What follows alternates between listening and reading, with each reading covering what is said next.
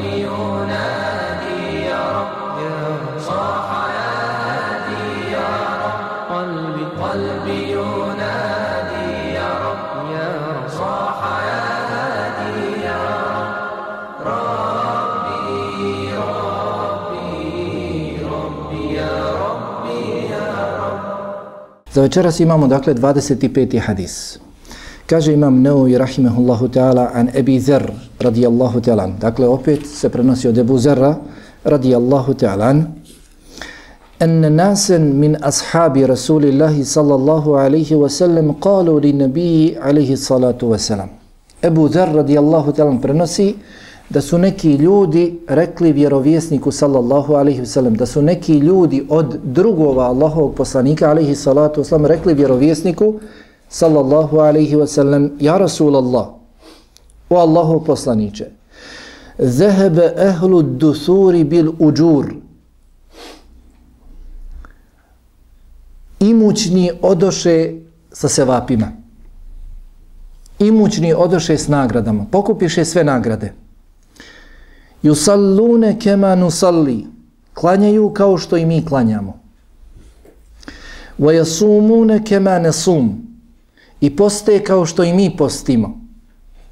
وَيَتَصَدَّقُونَ بِفُدُولِ أَمْوَالِهِمْ. I udjeljuju ono što imaju od viška svoga imetka. Udjeljuju višak svoga imetka. Ha?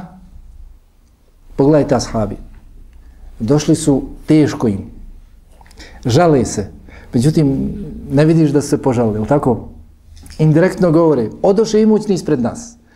U komentaru ovog hadisa stoji da, je, da su došli siromasi. Požalili se Allahom poslaniku, alihi salazam, na spomenut način.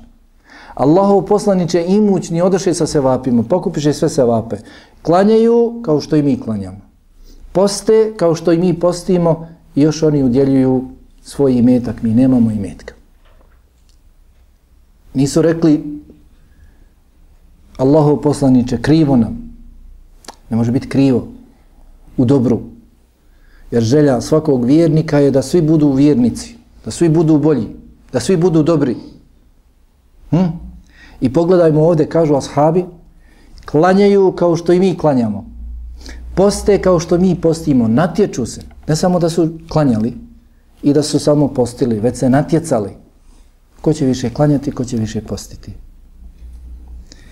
Pa je rekao vjerovjesnik sallallahu alaihi wa sallam Evalejse kad ja'al Allahu lekum ma te saddakun. A zar vama Allah nije dao ono čime ćete udjeliti sadaku? Zar vi nemate, zar vam Allah nije dao imetka koji ćete udjeliti u sadaku? Ha? I ovdje ashabi kao što i većina nas, kad čuje sadaka, misli na imetak. Da se sadaka jedino može postići udjeljivanjem svoga imetka. Pa kaže vjerovjesnik alaihi salatu wasalam, a u alejse kad dja'al Allahu lekum man te sadakun, zar vam Allah nije dao ono čime ćete udjeliti sadaku i pogledajte, pita na neki način s čuđenjem. Jer zasigurno kada čovjeka pitaš, i znaš da on to ne zna i postavljaš mu pitanje i on pokušava da ha, kroz glavu da se sjeti, to će mu ostati, tvoj odgovor će mu sigurno ostati kasnije u glavi. Pa Allahov poslanik alihi sallam pita, zar vi to nemate? I sad bi ha, oni prebirali po svojim džepovima, tamo vam po glavi, gdje sam ostavio, ha, ostaće taj meukif, ostaće ta situacija sigurno im u glavi, taj detalj u glavi, neće ga zaboraviti. Pa kaže poslanik sallallahu alaihi wasallam govoreći o prije svega spominje brojna dobra djela, ali na prvom mjestu spominje zikr. Spominje zikr i posebne riječi zikra. Posebne riječi s kojima se veliča Allah dželle vala. Jer je zikr jedan od najboljih ibadeta. I naprotiv, sav ibadet je u smislu zikra u cilju zikra, sav ibadet, ti klanjaš da se s namazom i namazom se sjećaš svoga gospodara, dozivaš svoga gospodara namazom, postiš da bi ti Allah dželavala bio na umu i sve drugo propisano nam je da radimo kao da vidimo svoga gospodara, ako ne možemo tako, onda sa svjesnošću da on nas vidi, da smo svjesni našega gospodara. Izbrisat ću ovo sa table. Nemojte gledati tamo. Pa spominje zikr na prvom mjestu, jer je zikr poseban. Šta ukazuje na posebno zikra? Hm? Koji dokaz? To znači da ne zikrite. Jeste i to. Ali ima jedan poseban dokaz. Prate, Kur'an je naj, najjačiji dokaz, jeste, ali šta iz Kur'ana? Sve Ima ajet koji govori o zikru. Poseban ajet. Gospodara ujutru i navečer. Samo? Allah pomene Allah. Dobro. Ali ima ajet koji govori o posebnosti zikra. Posebna nagrada za zikr. Fezkuruni jazkurkum. Fezkuruni jazkurkum. Vi mene spomenite pa ću ja vas spomenuti. Kaže Jalla Vala u suri Al-Bekare. Vi spomenite mene pa ću ja vas spomenuti. To je poseban ajet. 153. Evo ga, pamtimo. Alhamdulillah. Pa kaže poslanik sallallahu alaihi wa sallam inne bi kulli tesbihatin sadaka. Svaki tesbih, odnosno riječi subhanallah, su sadaka. Kažeš subhanallah kao da si udjelio sadaku. Zatim kaže wa kulli tekbiratin sadaka. I svaki tekbir je sadaka. Allahu ekber. Sadaka. Ideš uzbrdo, kako je propisan zikr uzbrdo, Allahu ekber, Allahu ekber. Spuštaš se, subhanallah, subhanallah. Alhamdulillah, često govori, znali bi ashabi, jedan od njih, Omer radijallahu talan, izlaziti na pijacu po ulici i pitati ljude kako si, kako ste. Malo bi redom, kako si, kako si, samo da čuje, elhamdulillah kaj je, to sam htio. To sam htio, da kaže alhamdulillah. Jer imali smo 23. hadis gdje se govori o posebnosti riječi alhamdulillah i subhanallah. ha? Wa kulli tekbiretin sadaqa, wa kulli tahmidetin sadaqa. Svaki tahmid, odnosno riječi alhamdulillah, su sadaka. Wa kulli tehliletin sadaka. I svaki tehlil, odnosno riječi la ilaha illallah, su sadaka. Wa amrun bil ma'rufi wa nehi sadaka. I narediti dobro da se čini, tražiti da se čini dobro, nekome reći, upozoriti ga, da čini neko dobro dijelo, ukazati mu je sadaka. Wa nahyun an munkarin sadaka i zabrana činjenja loših dijela je sadaka. Zatim kaže wa fi bud'i ahadikum sadaka.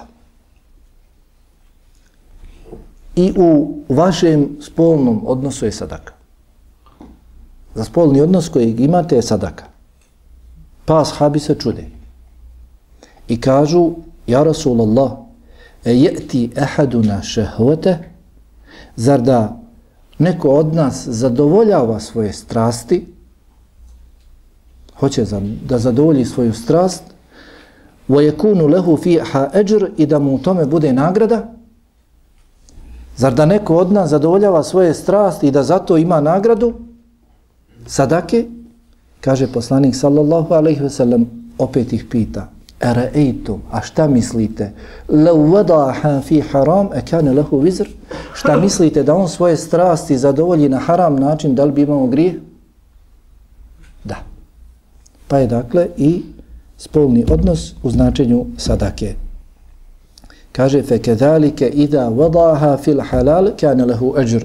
E isto tako, kada svoje strasti zadovolji na dozvoljen način, imaće za to nagradu.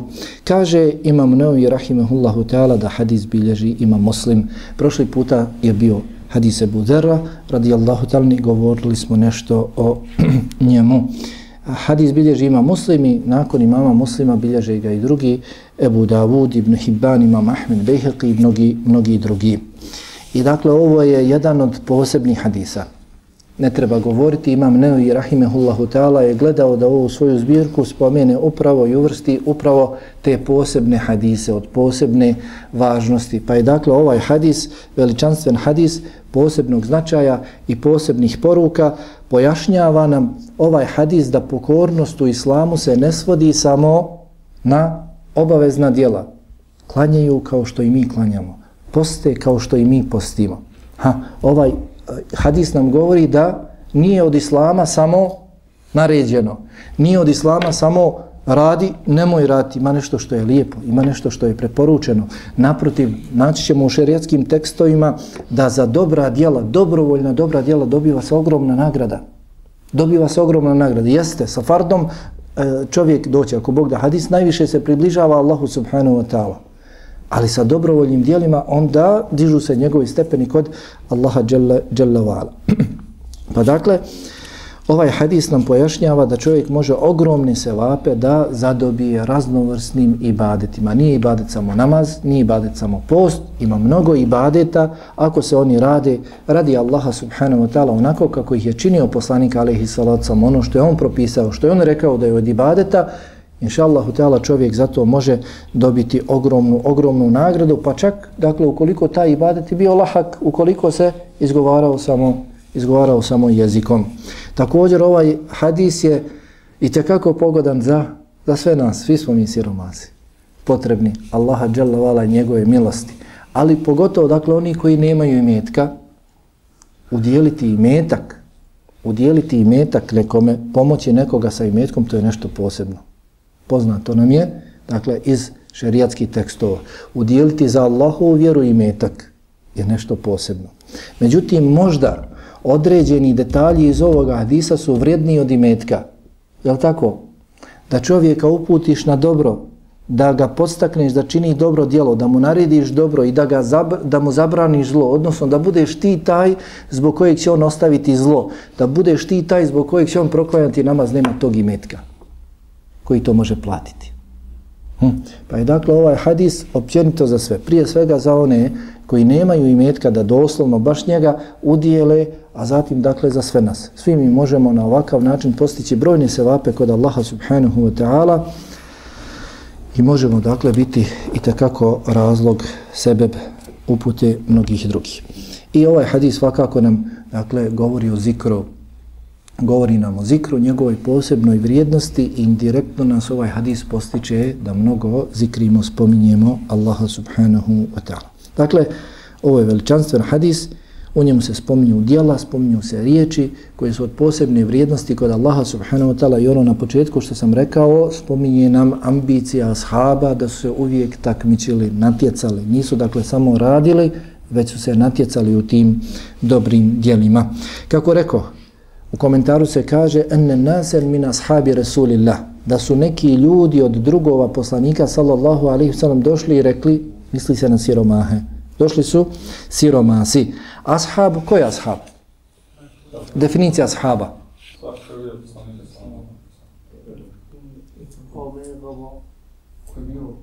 De malo to pojasni. Svaki onaj koji je vidio poslanik sa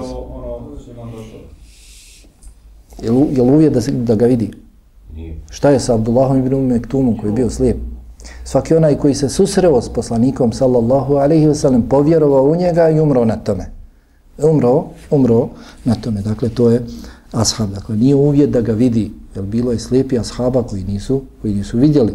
Dolazi, jel tako, i kaže Allahov poslaniće, imam li opravdanje da ne dolazim na namaz, pošto nemam vodiča između mene i džamije je jedna dolina koja kada pada kiša ispuni se vodom ja ne mogu da pređem Čuješ li? Čujem. Odazovi se. Zatim, dakle, u hadisu se kaže inne bi kulli tesbihatin sadaka. Doista je svaki tesbih sadaka, odnosno riječi subhanallah. Govorio sam ovdje u 23. hadisu, riječi subhanallah znače neka je Allah uzvišen od svake manjkavosti. Neka je Allah dželovala daleko od svake mahane, svakog nedostatka, svake manjkavosti. Elhamdulillah znači hvaliti Allaha subhanahu wa ta'ala, veličati, uzvisivati, pripisivati mu mjesto koje je doliko je samo njemu. Allahu pripada najuzvišeniji primjer. Kada na dunjaluku čovjeka želiš malo da digneš pa kažeš završi ovo, završi ono, ima ovo, ima ono, a tako Allahu pripada najvišeniji primjer, Allah se hvali spominjući njegova imena, spominjući njegova svojstva, spominjući njegova stvaranja, spominjući blagodati koje ukazuje svojim svojim robovima. Na takav način Allah dželle se hvali. Riječi tekbir, Allahu ekber, jeli, Allah je, Allah je najveći. Također tahmid, alhamdulillah i tehlil, la ilaha illallah.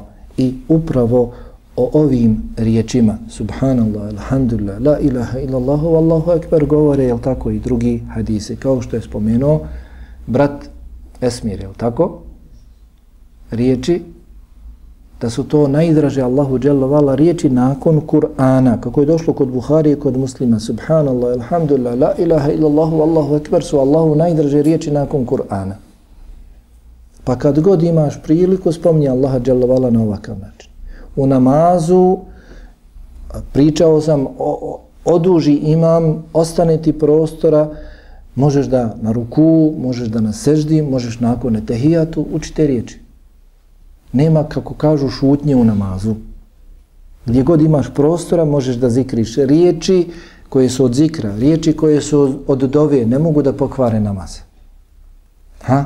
Da učiš, dakle, ove riječi nakon tehijatu, imam, uči malo duže, pa ti ostavi prostor da kažeš subhanallah, alhamdulillah, ilallah, allahu ekbar, nema smetnje. To neće pokvariti tvoj, tvoj namaz.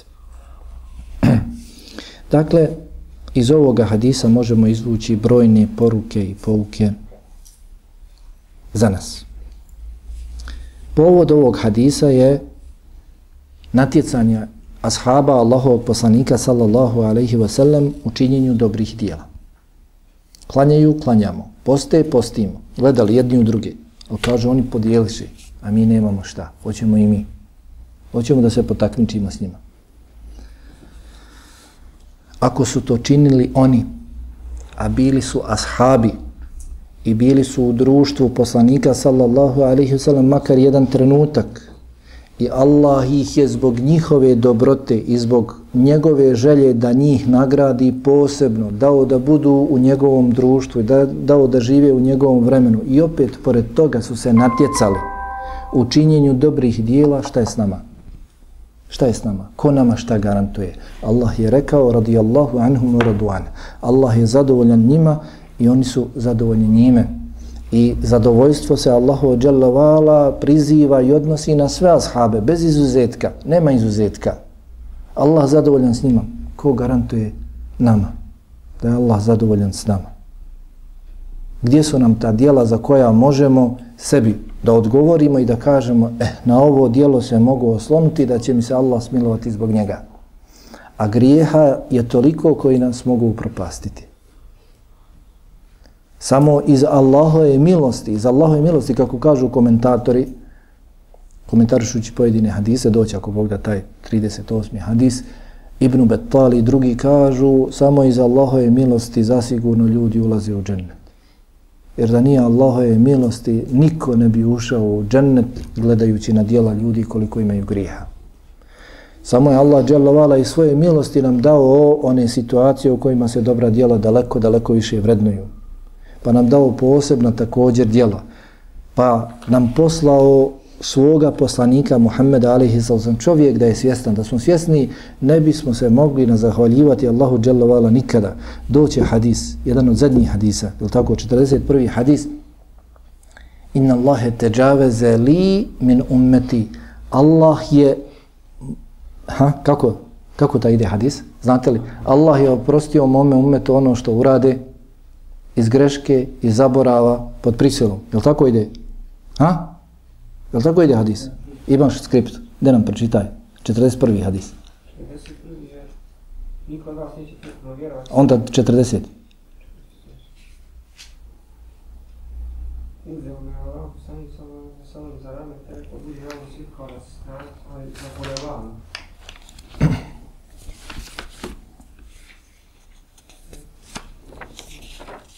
To je kod tebe ova nova, jel tako skripta?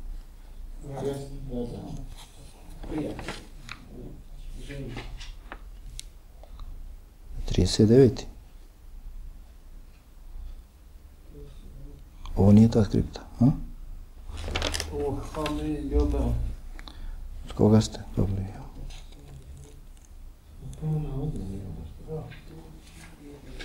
Ne se. Uglavnom čuli ste da taj hadis, ne vidimo ovdje tog hadisa. Inna Allahe teđaveze li an ummeti uh, prevodi se često doista je Allah oprostio ili prešao mome umetu, izvoli, pre, prešao mome umetu ono što učine iz greške zaborava i pod prisilom. A, doslovan prijevod i to mnogi, ne znam, možda ne primjećuju, doista je Allah zbog mene mome umetu oprostio. Doista je Allah zbog mene mome umetu oprostio to što uradi. Kažu komentatori da prethodnim narodima, prethodnim umetima Allah nije opraštao kada bi počinili grijehe na spomenut način. Nego zbog poslanika Muhammeda sallallahu alaihi sallam. Pogledaj, nas je Allah odredio nama, dao da budemo njegovi sledbenici. I to nama Allah dželovala oprašta, drugima nije opraštao.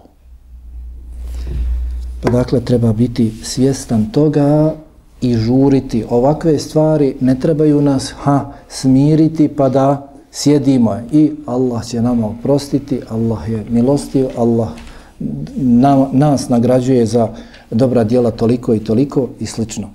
Već naprotiv trebamo požuriti da što više i više iskoristimo te prilike i tu Allahu dželovala dobrotu. Pa vidimo također iz ovog hadisa da su se ashabi žalostili kad bi im prošlo neko djelo, kada ne bi bili u mogućnosti da čini neko djelo. Kažu, odoše sa sevapima, mi ne možemo. Bilo im žao. Nisu se doslovno požalili. I to je edeb. Tako ide iz edeba. Govorio sam ovdje, Ejub, alihisalam, tako? To je edeb vjerovjesnika. Ejub, alihisalam, poznato je, spominje se, jeli, mada ima tu malo i pretjerivanja, u kakvoj bolesti je bio Ejub, alihi, vala nebina, salatu wasalam. Međutim, nikada nije jasno, glasno požalio se svome gospodaru. Poznato vam je da ima uza se porodici, imao je uza se ženu, imao je i metka, sve je to izgubio. Ostala na kraju samo žena s njim. I ona mnogo što žrtvovala oko sebe i od sebe za liječenje svoga, i to je dokaz, i jedan od dokaza, brojni su dokazi da je žena čovjeku najbliža. I da žena čovjeka najbolje supruga suprugu, suprug i supruga, najbolje poznaje i najviše se žrtvuje. Hm? Pa je na kraju rekla ti si Allahov poslanik, ti si vjerovjesnik, vama se dove primaju, a kad spomene žena odmah tamo lajko i puce. Ti si vjerovjesnik, poslanik. Zašto ne uputiš dovu? Allahu dželavala. Kaže, koliko smo živjeli u rahatluku. Koliko smo živjeli u izobilju? 70 godina, kaže. Žena odgovara 70 godina. Kaže, a koliko traje ova kušnja? Kaže, 18 godina. Kaže, stidim se dok ne prođe 70 godina da zatražimo od Allaha. Kad prođe 70 godina, ako kušnja potraje, moj život potraje toliko, onda ću zatražiti od Allaha. Allah mi je dao 70 godina da živim u izobilju, da uživam, 18 godina sprem 70 ne može se porediti. Zato ćete naći u Kur'anu, nema nigdje, već je govorio gospodaru, mene je snašla nevolja, a ti si najmilostiviji. Nije rekao, izliječi me, pomozi mi. Već kaže, ti si najmilostiviji. Hm, na dva mjesta u Kur'anu. Pa dakle vidimo da su ashabi žalostili kada bi im prošlo dobro djelo. Danas mi se žalostimo kad nam prođe zlatna prilika za konkretnim, ali tako? Prošla crvenka ili ona žuta. Prošla nas mimo išla. Nema većeg musibeta, nema većeg iskušenja od iskušenja u, od iskušenja u vjeri. Dunjaluk lakše se podnosi, podnosi se, ali iskušenje, hm, Čitali ste tamo, pisao sam, naši ispravni prethodnici, Selef, kada bi ih snašlo neko dunjaličko iskušenje, kaže, zahvaljivali bi tri puta Allahu na, isku, na tom iskušenju. Če zahvaljivali? Zahvaljivali? Tri puta na iskušenju. Kaže, prvo, što me Allah nije iskušao u vjeri, jer najveća iskušenja su iskušenja u vjeri. Drugo, što me Allah nije iskušao većim dunjaličkim iskušenjem, je vidio da mogu podnijeti. Alhamdulillah. I kaže, treće je što mi je omogućio da smo se zahvalili. Zahvaljujem se. Pa dakle, čovjek, i mi ćemo to prije ili kasnije shvatiti, kad budemo na samrti, sigurno, i kada budemo sutra proživljeni, kako kažu komentatori, komentarišući suru, zelzele, sve jedan sutra će, sve jedan čovjek sutra na sudnjem danu će se žalostiti. I vjernik, kada vidi šta je mogao da dobije kod Allaha dželovala, nije iskoristio priliku. Zato treba da se žalostimo kada nas prođe neka prilika za dobrim dijelom. Ali sigurno će nas proći ne jedna, nego hiljade njih ako ne budemo imali svako večer obračun sa sobom.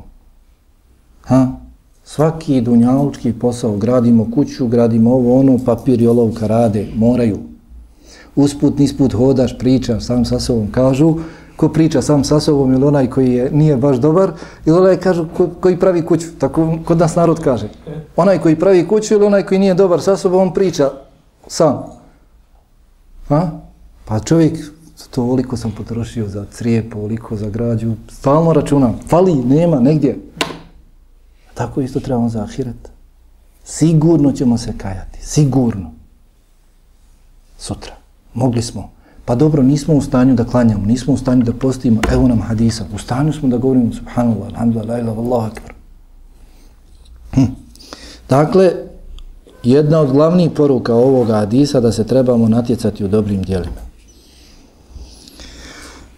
Hadis nas dakle postiče na visoke ambicije i da ništa ne smatramo nedostiživim. Zato kažem uvijek, za vjernika ne postoje riječi ne mogu, to trebamo izbrisati iz svoga riječnika. Ne mogu, to ne postoji za nas.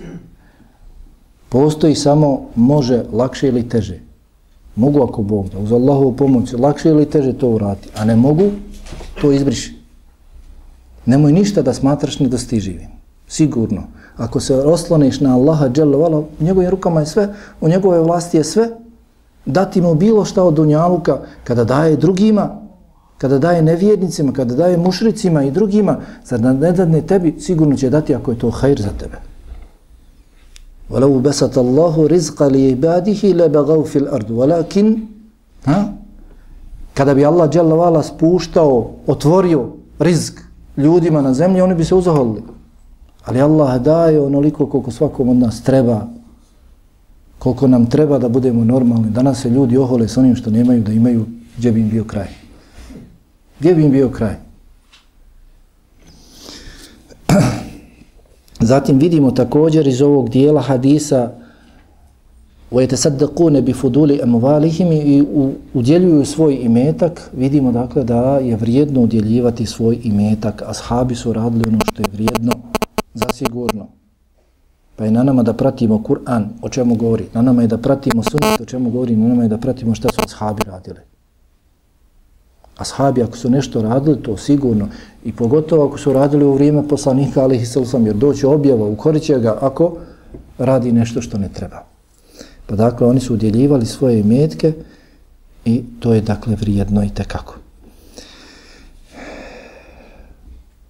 I ovdje su u hadisu kaže, udjeljivali su od viška svoga imetka. Udjeljivali su od viška svoga imetka. Dakle, nije u redu da čovjek dadne ono što će njemu kasnije trebati. Nije u redu da daješ, pa da poslije tražiš ti od drugih.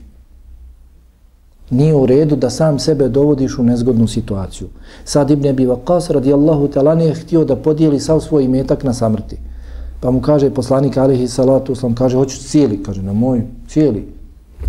Pola, na moj pola. Trećina, kaže može trećina, ali i trećina mnogo bolje da ostaviš imetak svojim nasljednicima da žive normalno kako treba, nego da ga podijeliš pa da oni prose. Da čovjek ima skromno da živi, normalno da živi, jeli, i ako preko toga ima neka, neka udjeljuje. Osim, jeli, kažu da je to bilo za Ebu Bekra radijallahu ta'ala. Za onoga koje je na stepenu imana Ebu Bekra, on može da dadne, tako kažu komentatori izuzimaju iz ovoga pravila Ebu Bekra radijallahu tjela. Vidimo dakle da svi mi, i oni koji su imućni, i oni koji skromno žive, i oni koji su siromašni, imaju određene ibadete koji mogu učiniti, imaju određene ibadete koje moraju činiti. Klanjati, postiti, svi moramo. Bez obzira bio ti siroma ili imućan. Moraš da klanjaš. Ne možeš sa svojim imetkom kupiti džennet kod Allaha već moraš da klanjaš. Da svoje najbolje spustiš na najniže mjesto. Da bi bio kod Allaha dželovala na najvisočije mjestu. Ha? To što imaš i metka ne znači da možeš sebi kupiti džennet. Ne može se Allaha milost kupiti, može se samo i metkom zadobiti, ali se ne može kupiti. Ha. Zatim, vidimo, kako sam spomenuo u komentaru, kaže poslanik sallallahu alaihi sallam, a zar vama Allah nije dao ono čime ćete postići sadaku? Ono čime ćete zadobiti sadaku, dakle, pita, ne bili ashabi, je li bolje zapamtili kasnije, kasnije odgovor. Zatim vidimo milostivost poslanika sallallahu alaihi sallam. Mi bismo se trebali, koliko smo mogućnosti, ugledati na njega. Da je e, nastojao da bude, da olakša svojim ashabima nastojao da bude uvijek pri ruci svojim ashabima, da ih malo razvedri, da ih raspoloži. Kažu meni ti samo smrtio, smrtio, smrtio, smrtio priča. Te, kaže malo, da nisam valjda takav. Ali kažem ja njima, onaj, pričam o smrti da bismo znali kako živjeti. Kad čovjek razmišlja o smrti, onda popravi svoj život na dunjalku. Ha?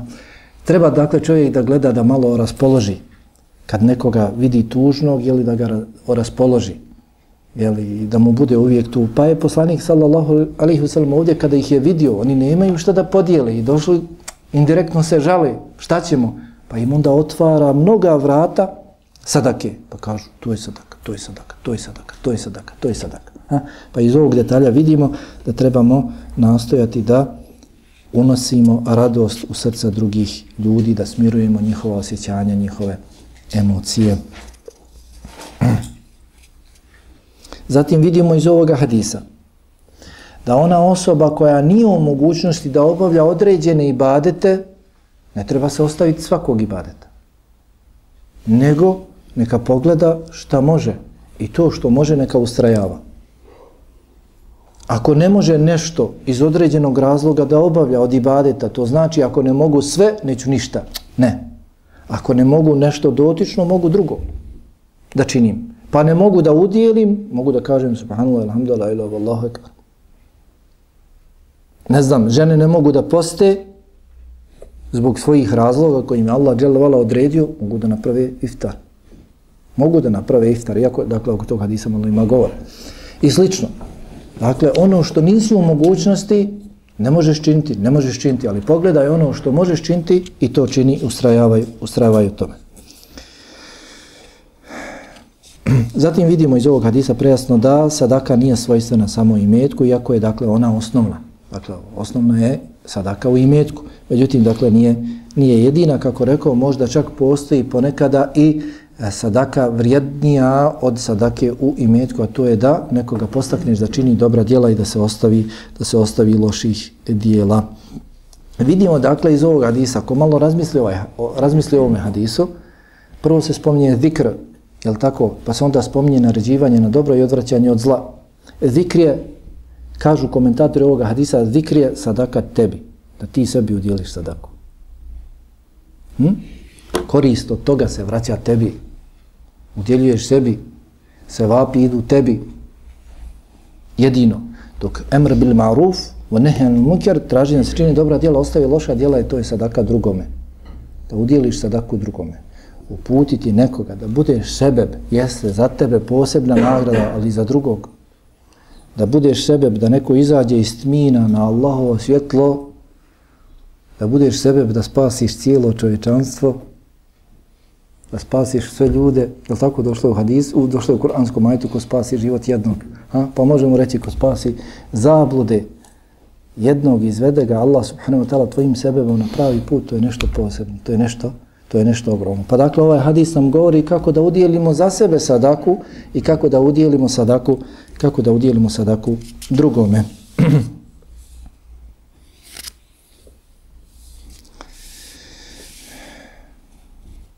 Zatim vidimo iz ovoga hadisa kada je poslanik sallallahu alaihi wasallam spomenuo da je ispunio odnos sadaka. Da je ashabima bilo čudno Pa iz toga zaključujemo da ono što nam je čudno na predavanju, začudi nas, čujemo nešto čudno, nismo znali od prije ili smo znali ne, nešto drugačije, sada čujemo, pitajmo. Da ne odlazimo s nejasnoćom. Kažu ashabi, zar je moguće da neko zadovolji svoje strasti, da opet ima sadaku za to, da ima dobro dijelo za to, nagradu, pitali su. Nisu odlazili. Jel? Tako isto i mi. Zatim vidimo kako Allahov poslanik sallallahu alaihi wa sallam pojašnjava na primjeru i to je najbolje. kada hoćeš nekome nešto da kažeš i poznat, poznato je u arapskom jeziku se i kaže, Arapi kažu, el misal je tedihu el meqal. Primjer pojašnjava ono što se kaže. Primjer pojašnjava rečeno. Ako hoćeš nekome nešto da kažeš, spomenu mu primjer poslije toga i sigurno će razumjeti. Kada mu spominješ neku definiciju ovako, onako objašnjavaš mu, možda ne može da shvati. Ali kada mu spomeneš primjer, onda može. Kaže poslanik Alihi Salocom, šta mislite kada bi zadovoljio svoje strasti na haram, bil bio griješan? I to je kako, znam se šta ga sleduje. A? Pa isto kaže tako, ako zadovolji svoje strasti na, na dozvoljen način. Pa dakle, iz tog dijela hadisa vidimo da trebamo koristiti primjere u podučavanju, da trebamo jeli, biti mudri, koristiti jeli, mudrost, naročito kod nekih neugodnih pitanja. A? Dakle, ovdje je malo bilo neugodno, spolni odnose spominje, pa poslanik sallallahu alaihi wasallam da ne bi nekako drugačije pojašnjavao, jeli, spomenuo je ovaj primjer i zatvorio vrata. Pa vidimo dakle iz tog dijela hadisa da zadovoljavanje strasti na dozvoljen način e, to ima vrijednost sadake. Da čovjek ima spolni odnos sa svojom suprugom, ima kao da je udjelio sadaku, ima vrijednost, ima vrijednost sadake.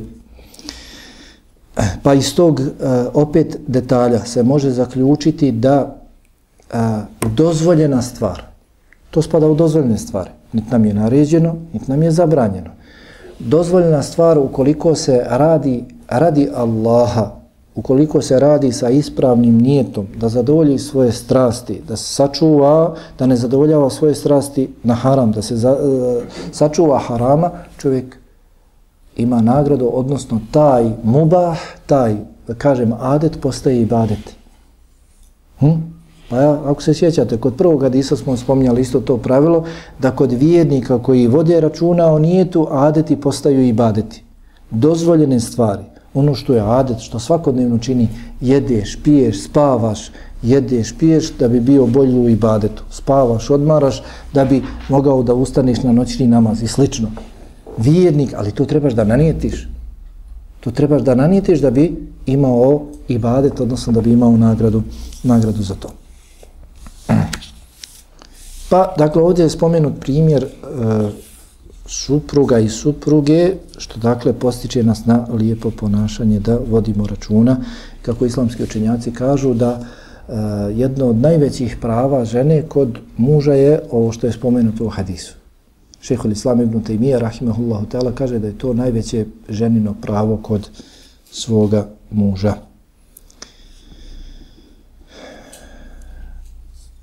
I također hadis nas postiče da postavljamo korisna pitanja,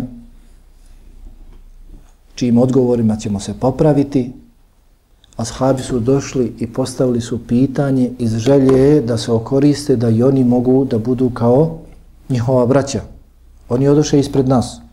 Hoćemo da ih stignemo, hoćemo da ih preteknemo, šta da radimo.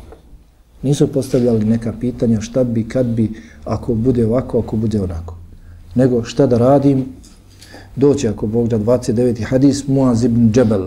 Muaz ibn Džebel radijallahu ta'ala najučeniji ashab. Poslanik alihi salacom kaže da će biti ispred uleme sutra na sudnjem danu i nositi barjak.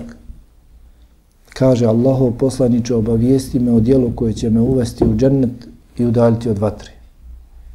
Bez obzira što je najučeni dolazi i pita. Pa dakle, treba postavljati korisna pitanja i treba postavljati pitanja dakle, od kojih ćeš imati pogotovo koristi sutra na drugome svijetu.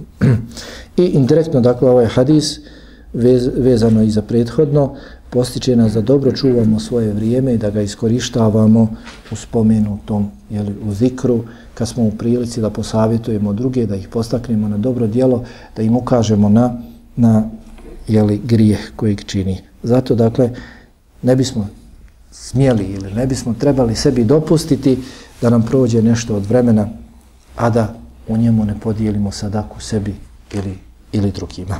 Pravilo iz ovoga hadisa jeste ovo što sam spomenuo zadnje, dozvoljene radnje sa iskrenom namjerom postaju ibadeti. dozvoljena djela sa iskrenom namjerom, sa ispravnom namjerom postaju ibadeti, biva pokornost Allahu subhanahu wa ta'ala. Dakle, ako se muškarac oženi i namjerava ženidvom da sačuva se harama, na bilo koji način harama, ali tako, da, i došlo je hadis, u hadisu, hadisu Abdullah ibn Masuda kod Buhari i kod muslima, tefakun ali, da je rekao, o vi mladići koji ste u mogućnosti da se ženite, ženite se, jer doista to pomaže obaranju pogleda i čuvanju stidnog mjesta. Nije samo haram, stidno mjesto, odnosno zadovoljiti svoje strasti na haram način i gledanje je također, kako kažu, blud oka. Pa dakle, ako namjerava ženitbom da se sačuva harama na svaki mogući način, onda dakle, ta ženitba, ženitba nije naređena, ali tako? Nije zabranjena, niti je naređena, to je dozvoljena, sunnet, lijepo, preporučeno, dozvoljeno, međutim, ukoliko to čovjek čini eh, da se sačuva harama, to mu postaje tada ibadet. I ne bismo pretjerali ako bismo rekli, a onaj da čovjek za svaki dan svoga života sa takvom jeli, osobom, ako Bog da ima nagradu, ima nagradu za to. Kod mene je običaj na drugim mjestima, ne znam sam ja ovdje uveo taj, nije novotarija, to je dobro. Pitanje za ponavljanje. Hm? Hadis, jednom, hajde, bude drugi puta. Hadis? Dobro, ajde, kuće. bilježi ima muslimu debu zera radijallahu talan da su pojedini ashabi došli i rekli Allahov poslaniće odoše imućni ispred nas klanjaju kao što i mi klanjamo postaje kao što i mi postimo i udjeljuju višak svoga imetka pa kaže Allahov poslanik alaihi salacom a zar vama Allah nije dao ono čime ćete postići sadaku, odnosno ono što ćete udjeliti, doista svaki tespih je sadaka, svaki tekbir je sadaka, svaki tahmin je sadaka, svaki tehlil je sadaka, tražiti da se čine dobra dijela je sadaka, ostaviti, e, zabraniti loša dijela je sadaka, imati odnos sa svojom suprugom je sadaka, pa jeli, upitali su zar i tada kada čovjek zadovolji svoje strasti da ima nagradu, ima sadaku, da, ukoliko bi zadovoljio na haram način, imao bi grijeh, pa isto tako ima nagradu. Dobro, šta znaš o prenosiocu da to pitam? Prošli puta je bilo daleko, ha? Daleko. I, iako, nam, iako nam dani sedmice prolaze ko... Važnost ovog hadisa je? Zašto je važan ovaj hadis? Govori o zikru. Dosta je, dakle, da vidimo njegovu sadržinu, govori o zikru i posebnim vrijednostima spomenutih riječi. Kakvi su bili ashabi kada je riječ o dobrim dijelima? Natjecali se. Termini tesbih, šta znači? A to znači negirati Allahu svaku manjkavost. Tesbih, subhanallah, znači negirati Allahu svaki, svaki nedostatak. Tahmid, alhamdulillah, znači hvaliti Allaha, ne zahvala, hvaliti Allaha. Tehlil, la ilaha illallah, jer najuzvišenije riječi, riječi tevhida, zbog čega je sve stvoreno, i tekbir, Allahu akbar. Kada adet postaje ibadet? Sa ispravnim nijetom, iskrenim nijetom. Dobro. I to je pravilo bilo iz ovog hadisa.